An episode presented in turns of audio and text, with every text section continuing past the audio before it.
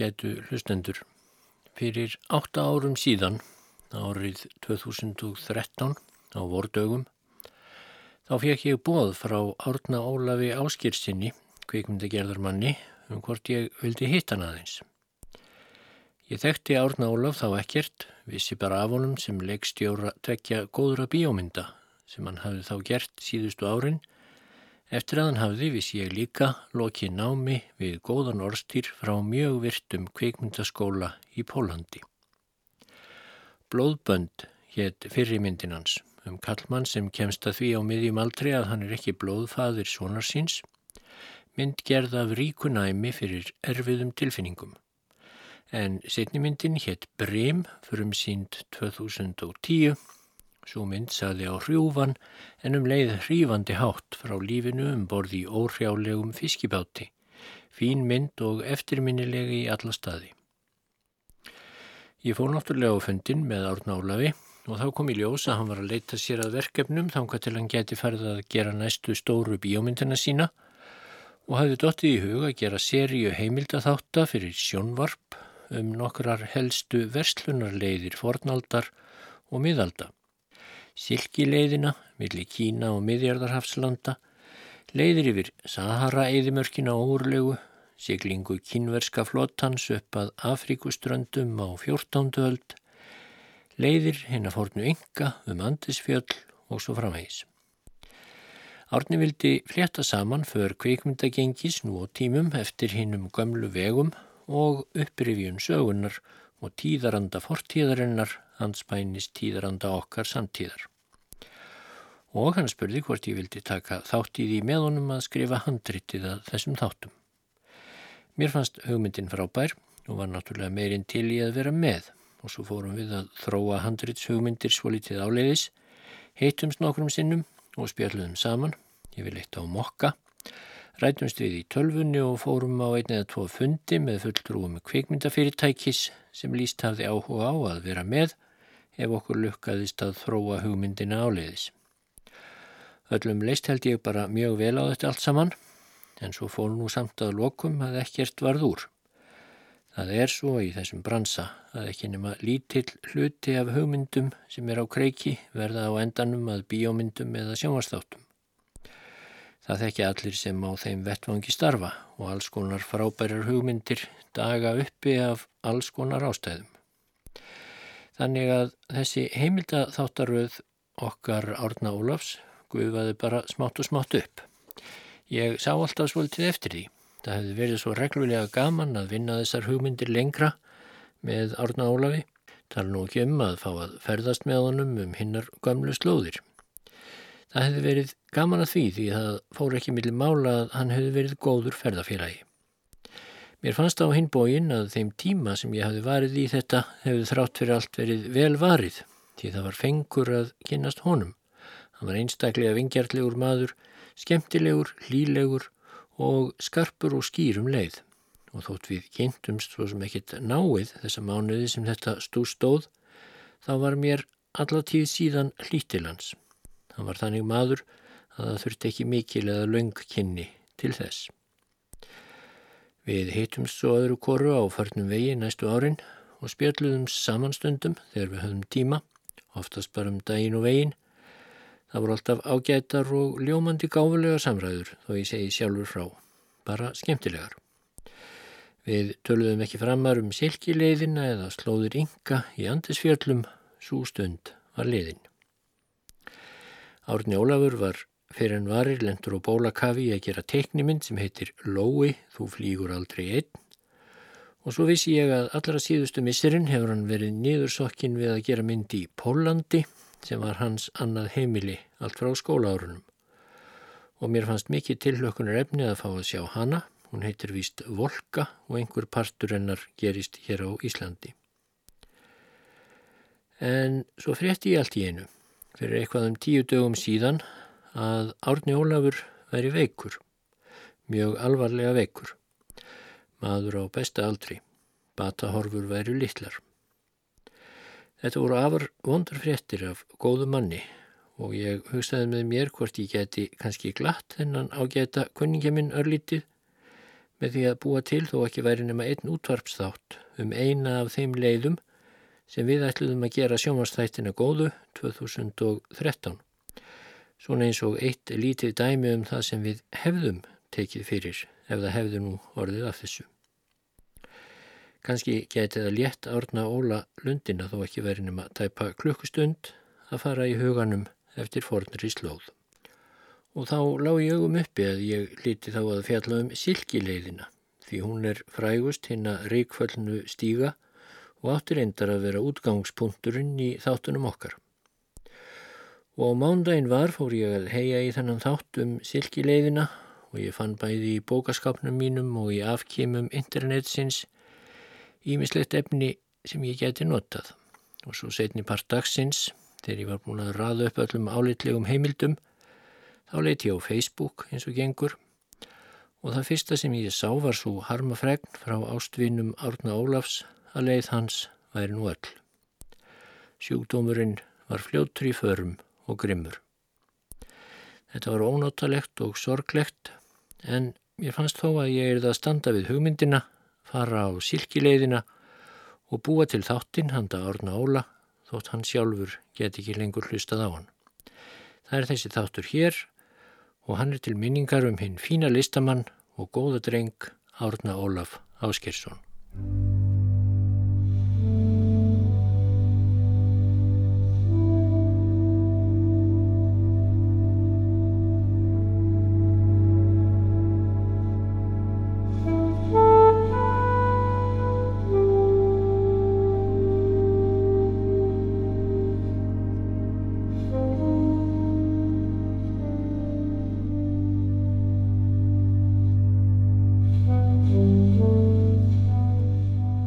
Silki, það er unnið af lirfu eða ormi silki fyririldisins sem er ekki neitt sérstaklega glæsileg fluga þrátt fyrir fallegt nafn silki fyririldi. Dýrið er náskilt mölflugu og líkist helst mölflugu í útliti. Við þekkjum öll í stórum dráttum lífsferil skordýra úr ekki skrýður lirfa sem fer um og getur á sig gat legg svo í hálgerðan dvala á svonendu púpustíi. Púpan er eins konar hýði sem lirfan myndar og púpustíinu umbreytist líka með lirfunnar í fullþroska skortýr sem svo skrýður úr púpunni og fyrir að leita sér að maka. Það tekur egg silki fyririldis um 20 sólarhinga að þroskast svo að lirfan skrýði úr því, silki ormurinn svo kallaði og ormurinn hefst þegar handa um að geta stanslust í 30-40 sólarhinga. Lirfan vil helst ekkert geta nema löfblöð tiltekins morberjatrés, hins kvíta morberjatrés sem svo er kallað. Þessi lirfa eða ormur hefur hamskipti fjórum sinnum þessa daga en að lokum fer ormurinn að spinna próteinþráð sem hann vefur svo um sig þegar hann fer á púpustíið en það stendur svona halvan mánuð áður en fyririldið bríst úr púpuhýðinu úr þessum fyrirnemda þræði og silki fyririldið lifir svo í tíu daga til að maka sig og verpa nýju veggjum. Alls er líf hvers silki fyririldis því eitthvað um tveir mánuður stundum svolti lengra. Þráðurinn sem lirfan vefur um sig þegar hún púpar sig, það er silki þráðurinn og getur lengt þráðar um hverja örsmáa púpu náð meira en einum kílometra. Einhvern veginn lærðu menn í Kína fyrir ævalöngu, þar að segja fyrir um 5.000 árum, að ef þeir drápu púpuna með heitu vatni áður en hún braust út sem fyririldi, þá gáttu þeir losað þráðinn og undið honum utan af púpunni og svo saumað sér hinnar mýgstu og meðfærilegustu flíkur úr þræðinum. Það er mikið nákvæmnisverk að meðhandla silkiormin eða lirfuna og gefin að geta rétt magn af mórberjalaufi á réttum tíma en þetta tókst kínverjum að læra á laungum tíma. Þau fundu upp svo margt í Kína og silki varð sannkallaður munaðarvarningur sem kínverjar fengu líka hátt verð fyrir erlendis þegar utanrikisverslun hófst og rásilki í ströngum sem og fín ofinn silkiklæði voru brátt á boðstólum í Suðaustur Asíu síðan á Indlandi og í Industalnum og svo báru kaupmenn þennan varning lengra í vestur til menningarsvæðana í Persíu, Mesopotamíu eða Írak og til miðjarðarhafs.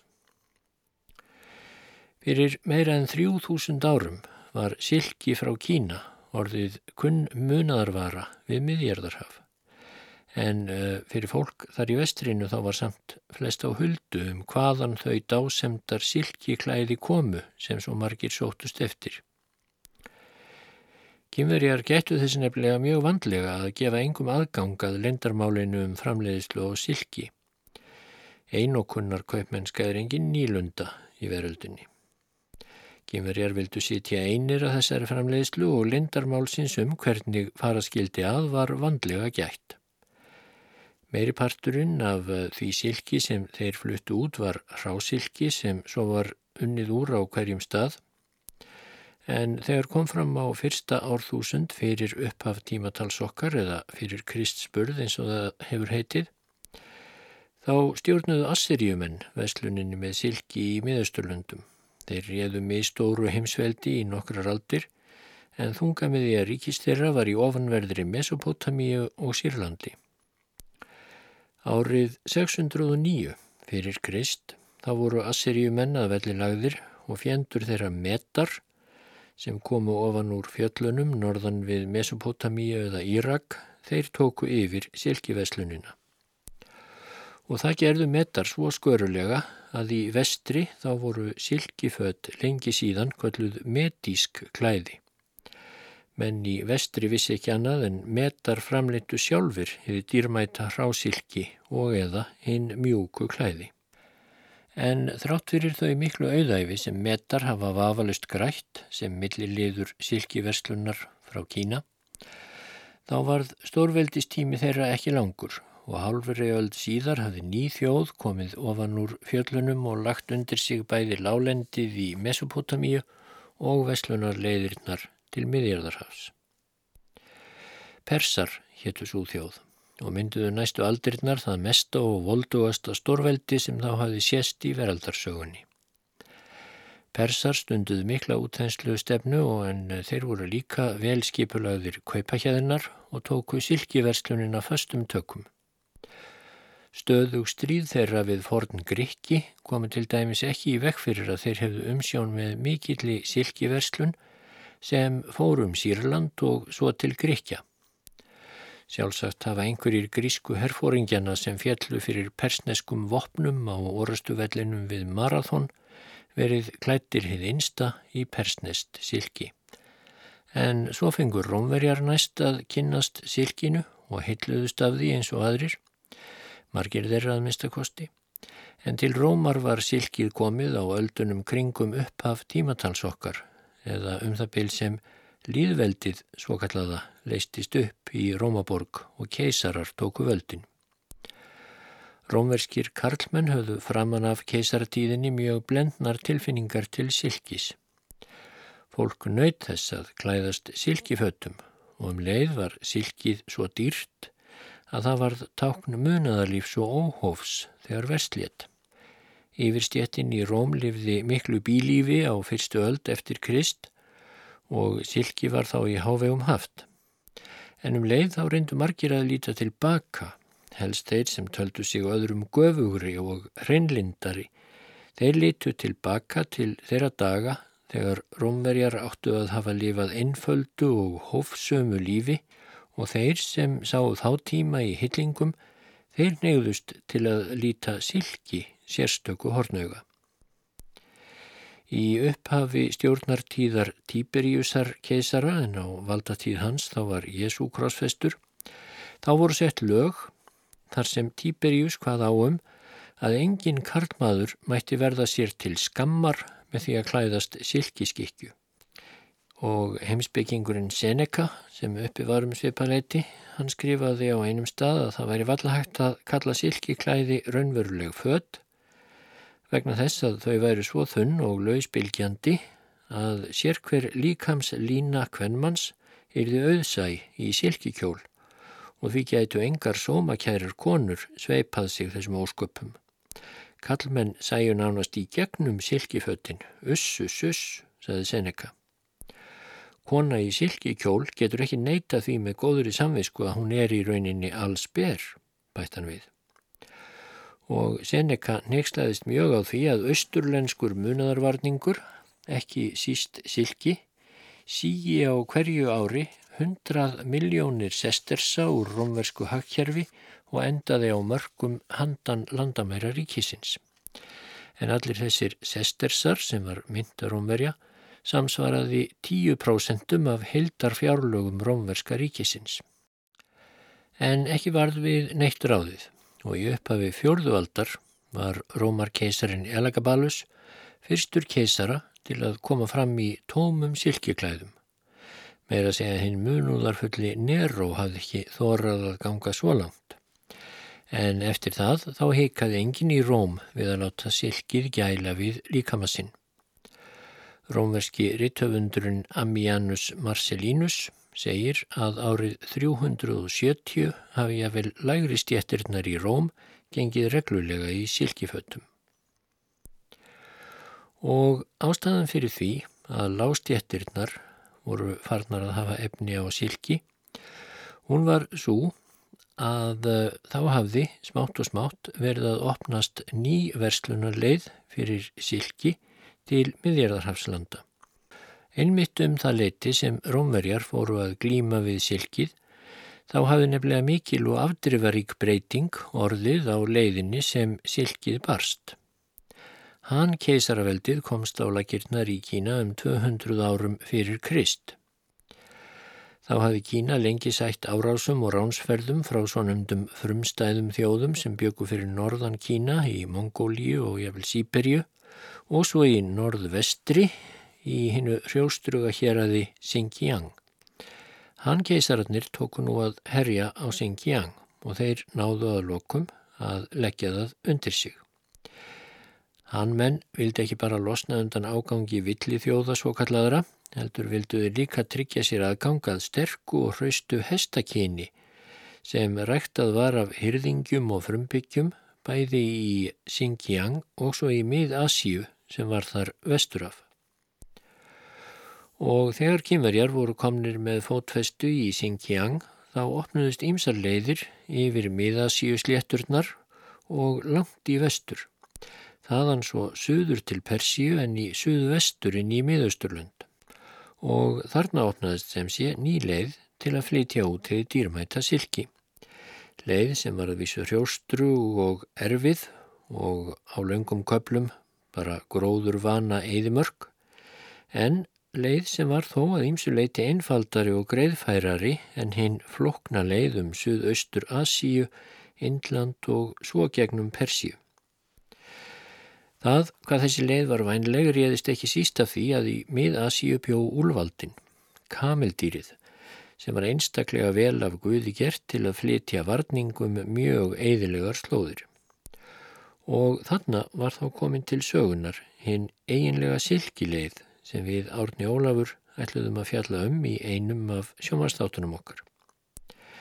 Rásilkið var flutt frá Kína í pökkum eða ströngum sem úlvalda lestirnar báru svo hinn að löngu leið um uppsveitir Kína inn í Xinjiang, þaðan til Miðasíu og svo enn lengra til Stórveldana í vestri.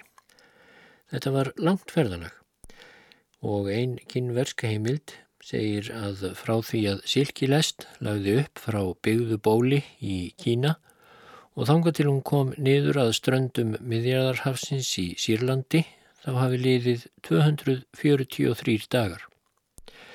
Það þýðir til dæmis að hafi Silkilest lagt upp þann 1. janúar þá mátti búast við að hún kemi til Sýrlands aðfara nótt 1. september eða þarumbíl. Það voru reyndar ekki endilega sömu úlvaldalestinnar sem fóru alla þessa löngu leið við asískar þjóðir eins og sogdíumenn tóku við varningnum þegar Kína sjálfu slefti og fluttu silkið yfir sléttunar að Oxusfljóti sem markaði yfirleitt skil með Asíu og Persíu. En leiðin í suðri lagðist þó ekki alveg af þótt silkileiðin um þessar norðlægu slóðir kæmist á. Silki var enþá flutt í talsverðum mæli gegnum Indland og til Persíu og svo gerðan með skipum um Rauðahafið til miðjarðarhafs. En þessi leið fjall þó lengi mjög í skuggan af henni nýju silkileið yfir miðasíu með skipum eðimerkurinnar úlvöldunum. En nú gerðist margt í veröldinni.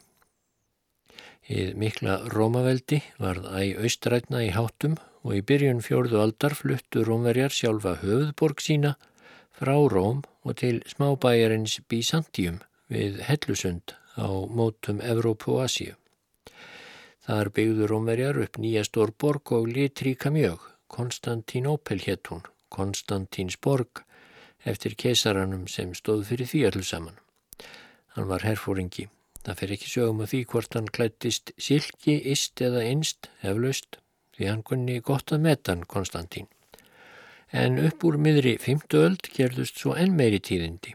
Þá hrundi Rómaveldi í vestri og var úr sögunni, en í austri held að velli lengi enn.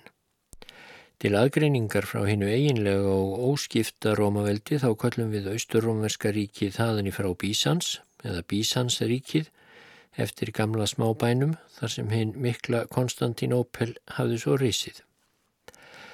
Árið 527 kom þar til valda nýr keisari og öflugur. Justinianus héttan.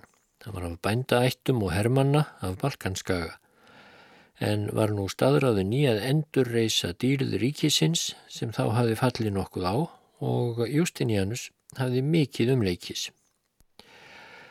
Frá honum segir nánar hér á eftir en á ýmsu gekk líka í Persíu, er aldirnar. En einmitt um svipaleiti og Justinianus var að baksa í Konstantinopel þá var líka öflugur kongur í Persíu, Kosró fyrsti af ætt Sassanita. Persar og bísansmenn áttu í einlægum og mannskæðum styrjöldum á valdatíð þeirra Justinianusar og Kosrós og þeir glýmdu líka í verslun og viðskiptum og peningamálum. Persar áttuðum þær mundir öflugan flotta og þeir réðu Arabíuhafi sem kallað er millir Indlands og Arabíuskaga og náðu áhrif þeirra langt inn á Rauðahafið millir Asíu og Afríku. Egiptaland var þá partur af Bísansríkinu rétt eins og Sýrland og egipskir kaupmenn höfðu eftir bestu getu stundað verslun með silki millir Indlands og Egiptalands og fóru þá sjóleiðina um Arabíuhaf og Rauðahaf.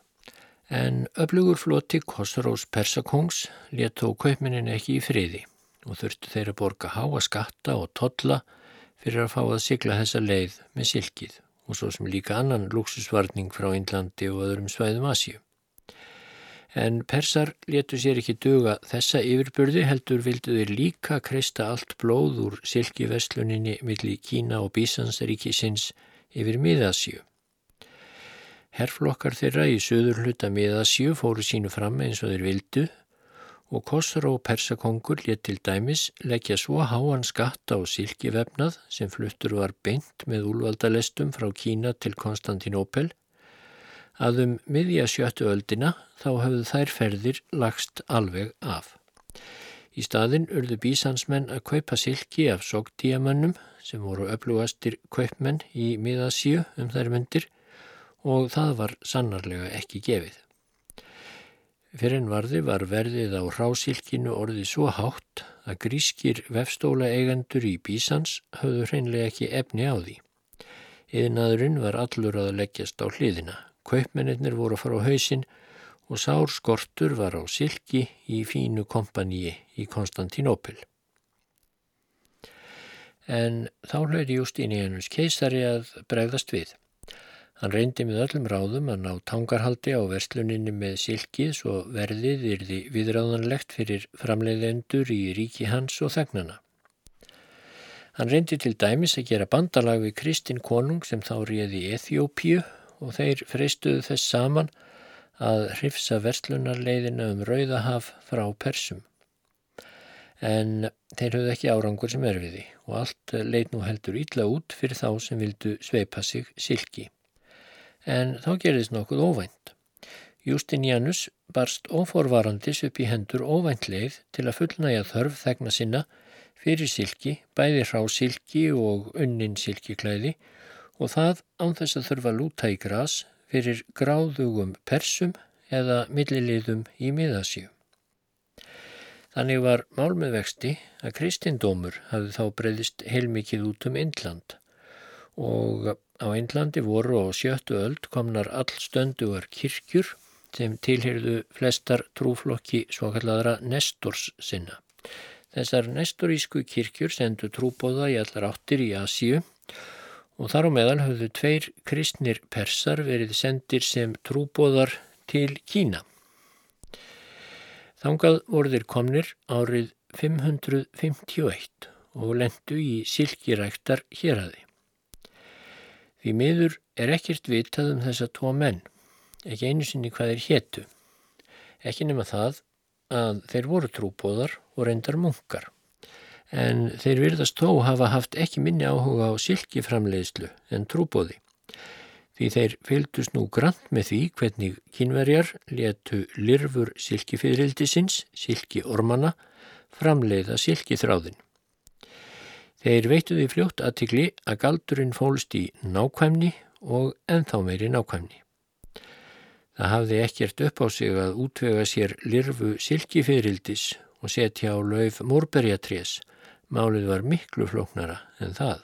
Fara þurfti mjög vandlega með kvikindið á öllum hinnum ólíku stigum lífstess. Frá því það var egg sem breyttist á endan við lirfu sem þá fór að geta múrberjalaufið þánga til það hafði náð nægum þroska til að komast á púpustig en þá spinnur lirfan í kringum sig silki þræðina dýrmætu og kvílir sem púpa innan þeirra meðan það umbreytist í fyririldi. Persnesku munkarnir tveir komast að raunum að gæði silki þráðarins ráðast algjörlega af hilsulirfunar og púpunar, hitastíinu í umhverfið þeirra og því magni af morberjalaufi sem lirfan fær að geta og ekki síður hvenær. Tíminn sem líður millir máltíða þarf nefnilega að vera hárréttur og vandlega skipulöður til að þetta litla dýr þroskist á réttan hátt og framleiði réttan silkithráð, bæðið að gæðum og ekki síður magni. Kínversku silkiræktendurnir virðast einhver hluta vegna hafa verið afar opinskáur við munkana tvo og sögðu þeim til dæmis að einhver tiltekinn fjöldi af silkiormum framleiti 708 grömm af silki ef þroski þeirra til fullrar stærðar tók 23 eða 24 daga en jafnmargar lirfur framleitu hins vegar aðeins 566 grömm af silki ef þær þurftu að þroskast í 28 daga sem sé aðeins fjórum dögum lengur og lirfur sem voru svo sen þroska vegna þess að skilirði voru ekki alveg hár rétt að þroskið þeirra tók 40 daga þær framleitu aðeins 280 gram af silki. Kynverjar hafðu lært af langri reynslu að best þroskuðust silki ormarnir ef þeir fengi eitthvað gott í gokkin á nákvæmlega hálftíma fresti fyrsta daginn eftir þeir klöktust úr ekki sínu en síðan var dreyið úr fjöldamáltíða smátt og smátt meðan ormarnir þróskuðust. Matur þeirra var eins og framhefur komið, löif morberja trjána, en engin önnur skortir munu leggja sér þau til munns og ef menn komið sér upp morberja trjám var því hægur vandi að rekta silki ormin ef menn færi fram með nákvæmni og kynnu nákvæmlega réttu aðferðirnar. Eftir að persnesku munkarnir tveir voru búin að kynna sér þetta allt saman í þaula þá virðast þeir satt að segja hafa mist áhugan á bæði Guði og Jésu. Því þeir tóku stíg nú upp frá Kína og ferðuðust allarleið til Konstantinopel eftir silkileiðinni þar sem þeir gengu fyrir Justinianus keisara og skýrðunum frá því sem þeir höfðu orðið vísari. Prokopius, sagnarittari við heyrði Justinianusar, sem sagt samtíma maður, hann skrifaði um þetta. Keisarin spurði munka þess að tvo í þaula um það sem þeir heldu fram og spurði þá margra spurninga til að koma staði hvort þeir færu með rétt mál og munkarnir útskýrðu að silkið væri framleitt af sérstökum ormum og væri náttúran kennari ormana og setti þeim fyrir að vinna sleitu laust.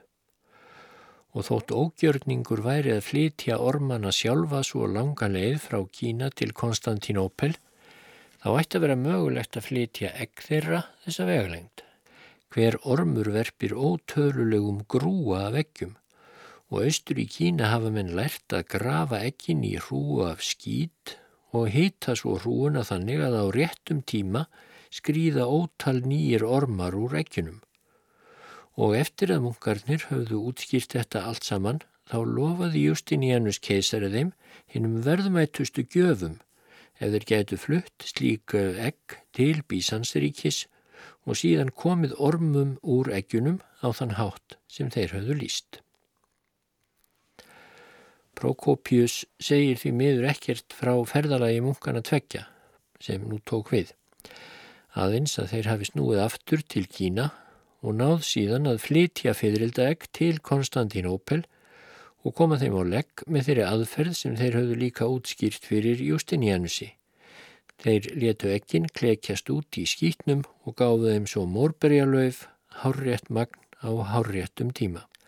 Þóttu Prokopius geti þess ekki hvaða leið þessir fyrstu þekktu yðnaðar njósnarar sögunar fóru frá Konstantinópel og til Kína og svo aftur tilbaka með egg silkifyrildana, þá má telja víst að þeir hafi farið silkileiðina um miðasju.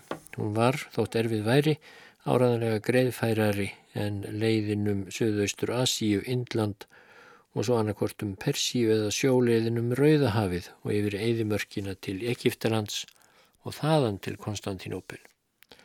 Í annari heimild kemur hins vegar fram að munkarnir tveir hafi falið eggfiðrildana inn í göngustöfum sínum á leiðinni.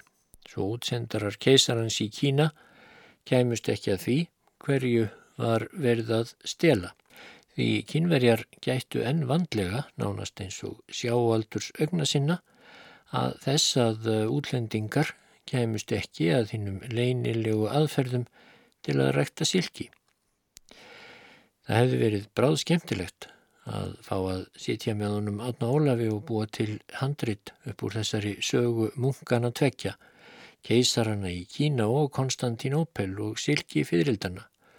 Og enn skemmtilegra hefði verið að fá að fara með honum þessa leið í fótspor yðnaðar njósnaranna eða trúbóðana því við ætluðum auðvitað að fara sjálfur allar þær fornu vestlunarleiðir sem þáttaröðin átt að fjalla um. En sem sagt, munkarnir þeir komust á leiðarenda með lífandi egg og bísansmenn hófust nú handa að læra silkirækt. Ekki fylgir sögunni hvaða miklu gjafir munkarnir fengu frá Justinianus í kesara fyrir eggin og kjensluna í meðhundlun silkiormana. Það hefur áræðanlega verið vel útilátið og allt í endi eitthvað tölvert meira en hæfiði fátæktar eigðum þessara munka. En hvað sem því líður þá tók bísansmönnum brátt að græðast fyrir á því að rækta sitt eigið silki og þá var ekki síður mikilsvert hvað þeir spöruðu mikið af gældiri við að þurfa ekki að kaupa kynverst silki og borga um leið ótal milliliðum og kaupmönnum á leið þess frá Kína.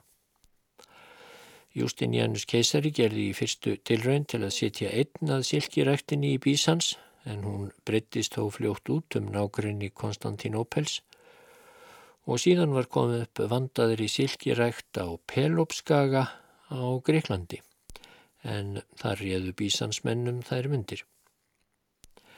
Þegar þar var komið reyndu bísansmenn eins og þeir gátur, rétt eins og kýmveri ráður, að halda leindarmálum silkiræktarinnar útaf fyrir sig og hleyp ekki öðrum í þessa auðlind.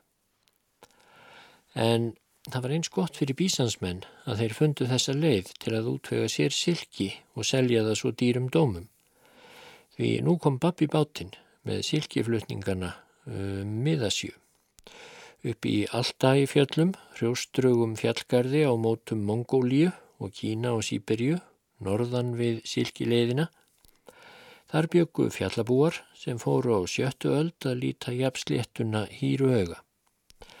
Þetta voru Tyrkir og einmitt um það leiti höfðu þeir komið grenjandi og sviplandi sverðum ofan úr fjöllunum og lagt undir sig svæði hinn að íransk ættuðu Sogdiana sem ráðið höfðu sléttunni lengi vel og þar á meðal ráðið leiðum úlvaldalestana milli Kína og Miðasturlanda, allt söður að Oxosfljóti. En hinnir makráðu Sogdianar fengu ekkert ráðið við Tyrki, svo þeir ákvaðu bara að sætta sig við yfirráð þeirra og þar kom að helstu kaupahjæðinar Sogdiana gengu á fund hins tyrkneska Kakans sem var hinn nýji herra á sléttunum og sögðu sínar farir ekki sléttar. Verðumætti kaupskaparleiðana yfir miðasíu, milli Kína og miðausturlanda, hefði hrunið vegna þess að bísansmenn væri allt í einu hættir að kaupa silki frá Kína. Og Sogdianar sá þá einu skýringu á þessu hruni í henni arðvænlegu verslun að bísansmenn hefðu komist að einhverjum afar hagstæðum vestlunarsamningum við Persa og kaup bísansmanna á silki hefðu því færst suður á bógin og færu sjóleðina millir Persíu og Egiptalands. Sjálfur sátu sókdíumenn nú uppi með mikið óselt silki sem þeir höfðu kift frá Kína og ætlaði að selja bísansmönnum en bísansmenn þá allt í einu ekki haft neitt áhuga. Og hinn tyrkneski Kakan tók upp þykjuna fyrir hína nýju þegna sína, Sogdiana, og gerði nú út sendibóða til Kosrós fyrsta persakongs. Hann hvaðst gerðnan vilja eiga við hann kaup og með þessum sendibóðum kom gríðar mikil úlvaldalest hlaðin varningi sem Sogdianar höfðu upp á að bjóða. Og þar á meðal var ekki síst mikið af silki frá Kína sem tyrkniski kakaninn saðist geta útvegað Kosró ómælt í framtíðinni. Nú, fyrir Kosró þá var greinilega óvíturlegt að styrkja með hvaða hætti sem var hið nýja Tyrkneska ríki sem nú var risið handan Oxusfljóts í miðasjö. Og Kosró hafði kortið var huga á að opna beina vestlunarlið til Kína sjóleiðina frá höfnum við Persaflóa. Kosró kefti að vísu allan varning sóktíumanna af Tyrknesku sendibóðunum en svo let hann fleiaði öllu saman á bál, þar á meðal silkinu. Þar brunnu gríðarleg verðmætti en tilgangur Kossarós var að sína fyrirlitningu sína á tilbóði Tyrkja. Hann þyrti ekkert á þeirra milligöngu að halda í sínum business. Tyrkir léttu kyrt likja um sinn en árið 571 þá sendi kakaninn þeirra sendinem til Konstantinopel og var markmið hans að koma að nýju á silkiverslun millir Kína og Bísansríkis um miðasjö hinna klassísku silki leið sem hafði ekki verið sveipur hjá sjón undan farin ár. Þá var Justinianus að vísu dáin en við ríki í Konstantinopel var tekinn frendi hans Justinius annar. Kakaninn sendi Justinusi meðal annars heilmikið af hennu fegursta kynverska silki til að bísansmenn mættu sjá hvað þeir höfðu farið á misvið undanfarið meðan verslunin eftir silkileiðinni lág í láginni. Silkið átti augljóslega að vera svo tálbeita sem fengi bísansmenn til þess að ganga til samninga við Tyrki. En sendibóðar kakansins örðu sem þrjumulosnir þegar þeir komu til borgarinnar miklu við Marmarahafið eftir erfitt og stramt ferðalag og uppgötuðu að á götunum þar gekk annar hver maður í hinnum fegurstu silkiklæðum og að þar fór þá fram umfangsmikil silkirækt og bísansmenn höfðu á ekki nema tveim áratugum náð þvílíkri leikni í silkirækt. Að bísanska silki þótti þá þegar orðið fyllilega jafnóki þess kynverska og sendibóðar kakansins verður því að röklast tilbaka inn á sléttur miðasíu eftir að hafa farið hinn að mestu sneipuför. Og silkiverslun yfir miðasíu náði sér ekki á stryk á ný.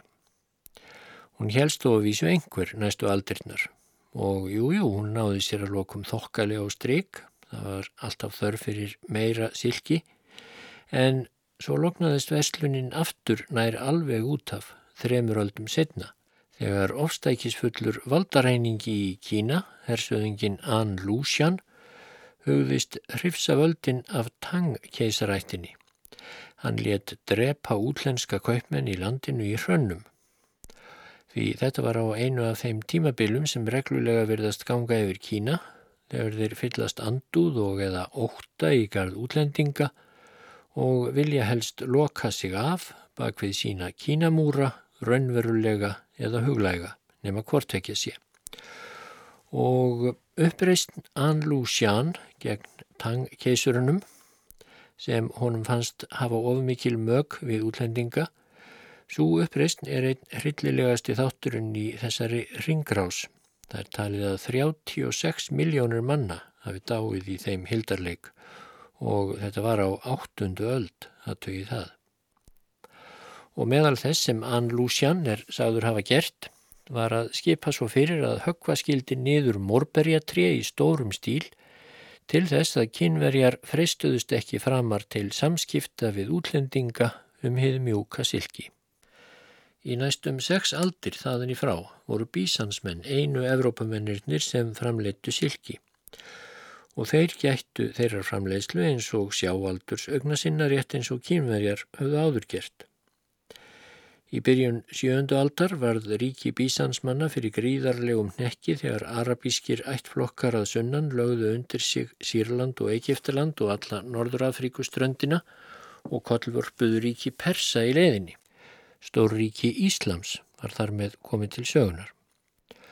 Og það má geta þess að múslimar, þeir voru andvígir silki og silkirækt að minnstu kosti lengi framanaf Fyrst og fremst vegna þess að þeir töldu að það hliti að vera viðbjóður í augum Guðs ef eh, fólk klættist föttum úr efni sem væri í rauninni ekkert annað en ormaskýtur. En bísansmenn letu það ekki tröfla sig. Þeir heldu áfram að rekta silki í Konstantinopel og nákrenni og fyrir símingandi veldi þeirra næstu aldirinnar varð silkirækt ein af ábatasömmustu stóðum ríkisins. Laust fyrir árið 1150 var Evrópa gjör breytt. Bísansríkið var enþó til en orðið hansi veikt. Stundum ekki annað en leiksoppur ímissa evrópskra stórbokka og skuggi Íslams færðist sífælt nær. Síkilei var þá undir stjórn franskra aðalskutta af vikingættum, normanna sem sagt.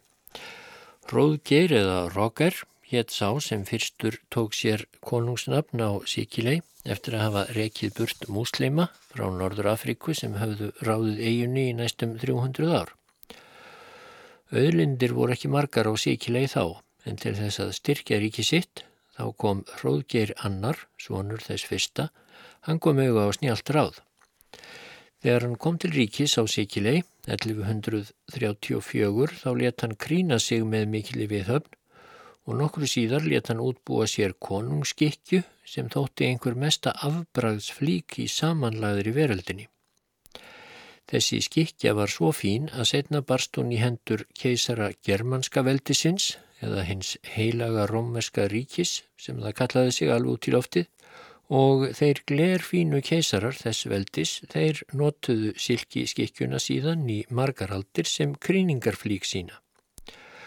Og ef þið farið í keisarasafnið í Hofburg höllin í Vínarborg þá er þessi skikkja róðkirs þar til sínis. En það sjónað sjá, sínist mér á myndum. Það hefði verið gaman að fara í Hofburg með átna Ólafi að mynda hana. Skikkjan er úr rauðu silki frá Bísansríkinu því allra fínasta silki sem þá var til í kristindómnum og hún er skreitt með gullsaumi miklum, unaðsfegurstu perlum úr persaflóa þúsundum saman, glerungi mótuðum af færustu handverksmönnum og rándýrum gemsteinum. Þeir sem saumuðu gullþræðina í bísanska silkið munu hafa verið múslimar en búsettir á sikilegi. Róðgerarnir voru ekki miklir trúarófstækismenn þótt gráðugir valdamenn væru. Silkiskikjan átti vafalust sinn þátt í að vekja aðtikli hróðgers annars á þeim auðæfum sem enn var að hafa frá Bísans og árið 1147 sendi hann aðsta herfóringja sinn í leiðangur til Greiklands sem keisarin í Konstantinopel held en þá og þar rændi normannaherin og rupplaði mánuðum saman og keisarin fekk ekkert að gert heldur ekki þegar menn hróðgers lögðu undir sig hinn að fornfrægu borg Þepu en þar var miðstöð vefnaðar yðnaðar Bísansríkisins og silkiverksmiðjur í þepu voru numdar brott í heilu lægi á samt öðrum sem framleitu damask og glitvefnað. Og vefararnir sem flestir voru gýðingar, þeir voru líka herleitir um borði í skip síkilegginga sem og silki ormatnir og svo létt Hróðger setja upp silkiverksmiður í Palermo og síkileg og þær eruðu frægar fyrir mjúkt og fallegt silki.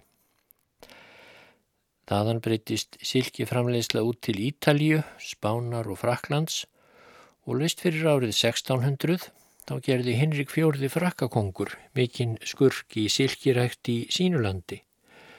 Hann leti dreifa morberjatrjám um allt Frakland og hver sem hafa vildi fekk silkiorma meðan byrðir endust. Jakob fyrsti brettakongur hann ætlaði að gera það sama Árið 1609 let hann planta 100.000 morberjatrjám víða um England því hann var ákveðin í að koma upp silkirækt. Því miður fyrir brett hafðu þeir ekki fylst nógu vel með í silkiræktar tímanum hvar sem þeir voru haldnir því Jakob let planta svokulluðum svörtum morberjatrjám en allir alvöru silkiræktendur vissu að silkiormurinn lítur ekki við þeim hróða. Hann vil lauf kvíta morberjatrésins annars getur hann ekki með góðu móti spunnið sinn þráð. En þá var Bísansríkið horfið fyrir einni öldu hálri. Tyrkir voru komnir langleiðinni inn í hjarta Evrópu, Persaveldi var fallið og reysið aftur og svo fallið aftur og endur reist einaferðinu enn. Sama hafði gerst í Kína þar sem hver keisarættin tók við af annari. Allt var breytt en samt var allt við það sama um leið eins og menninir lifa og deyja, gleðjast og sirkja og sama hvað á gengur. Silkiormurinn spinnur sinn þráð.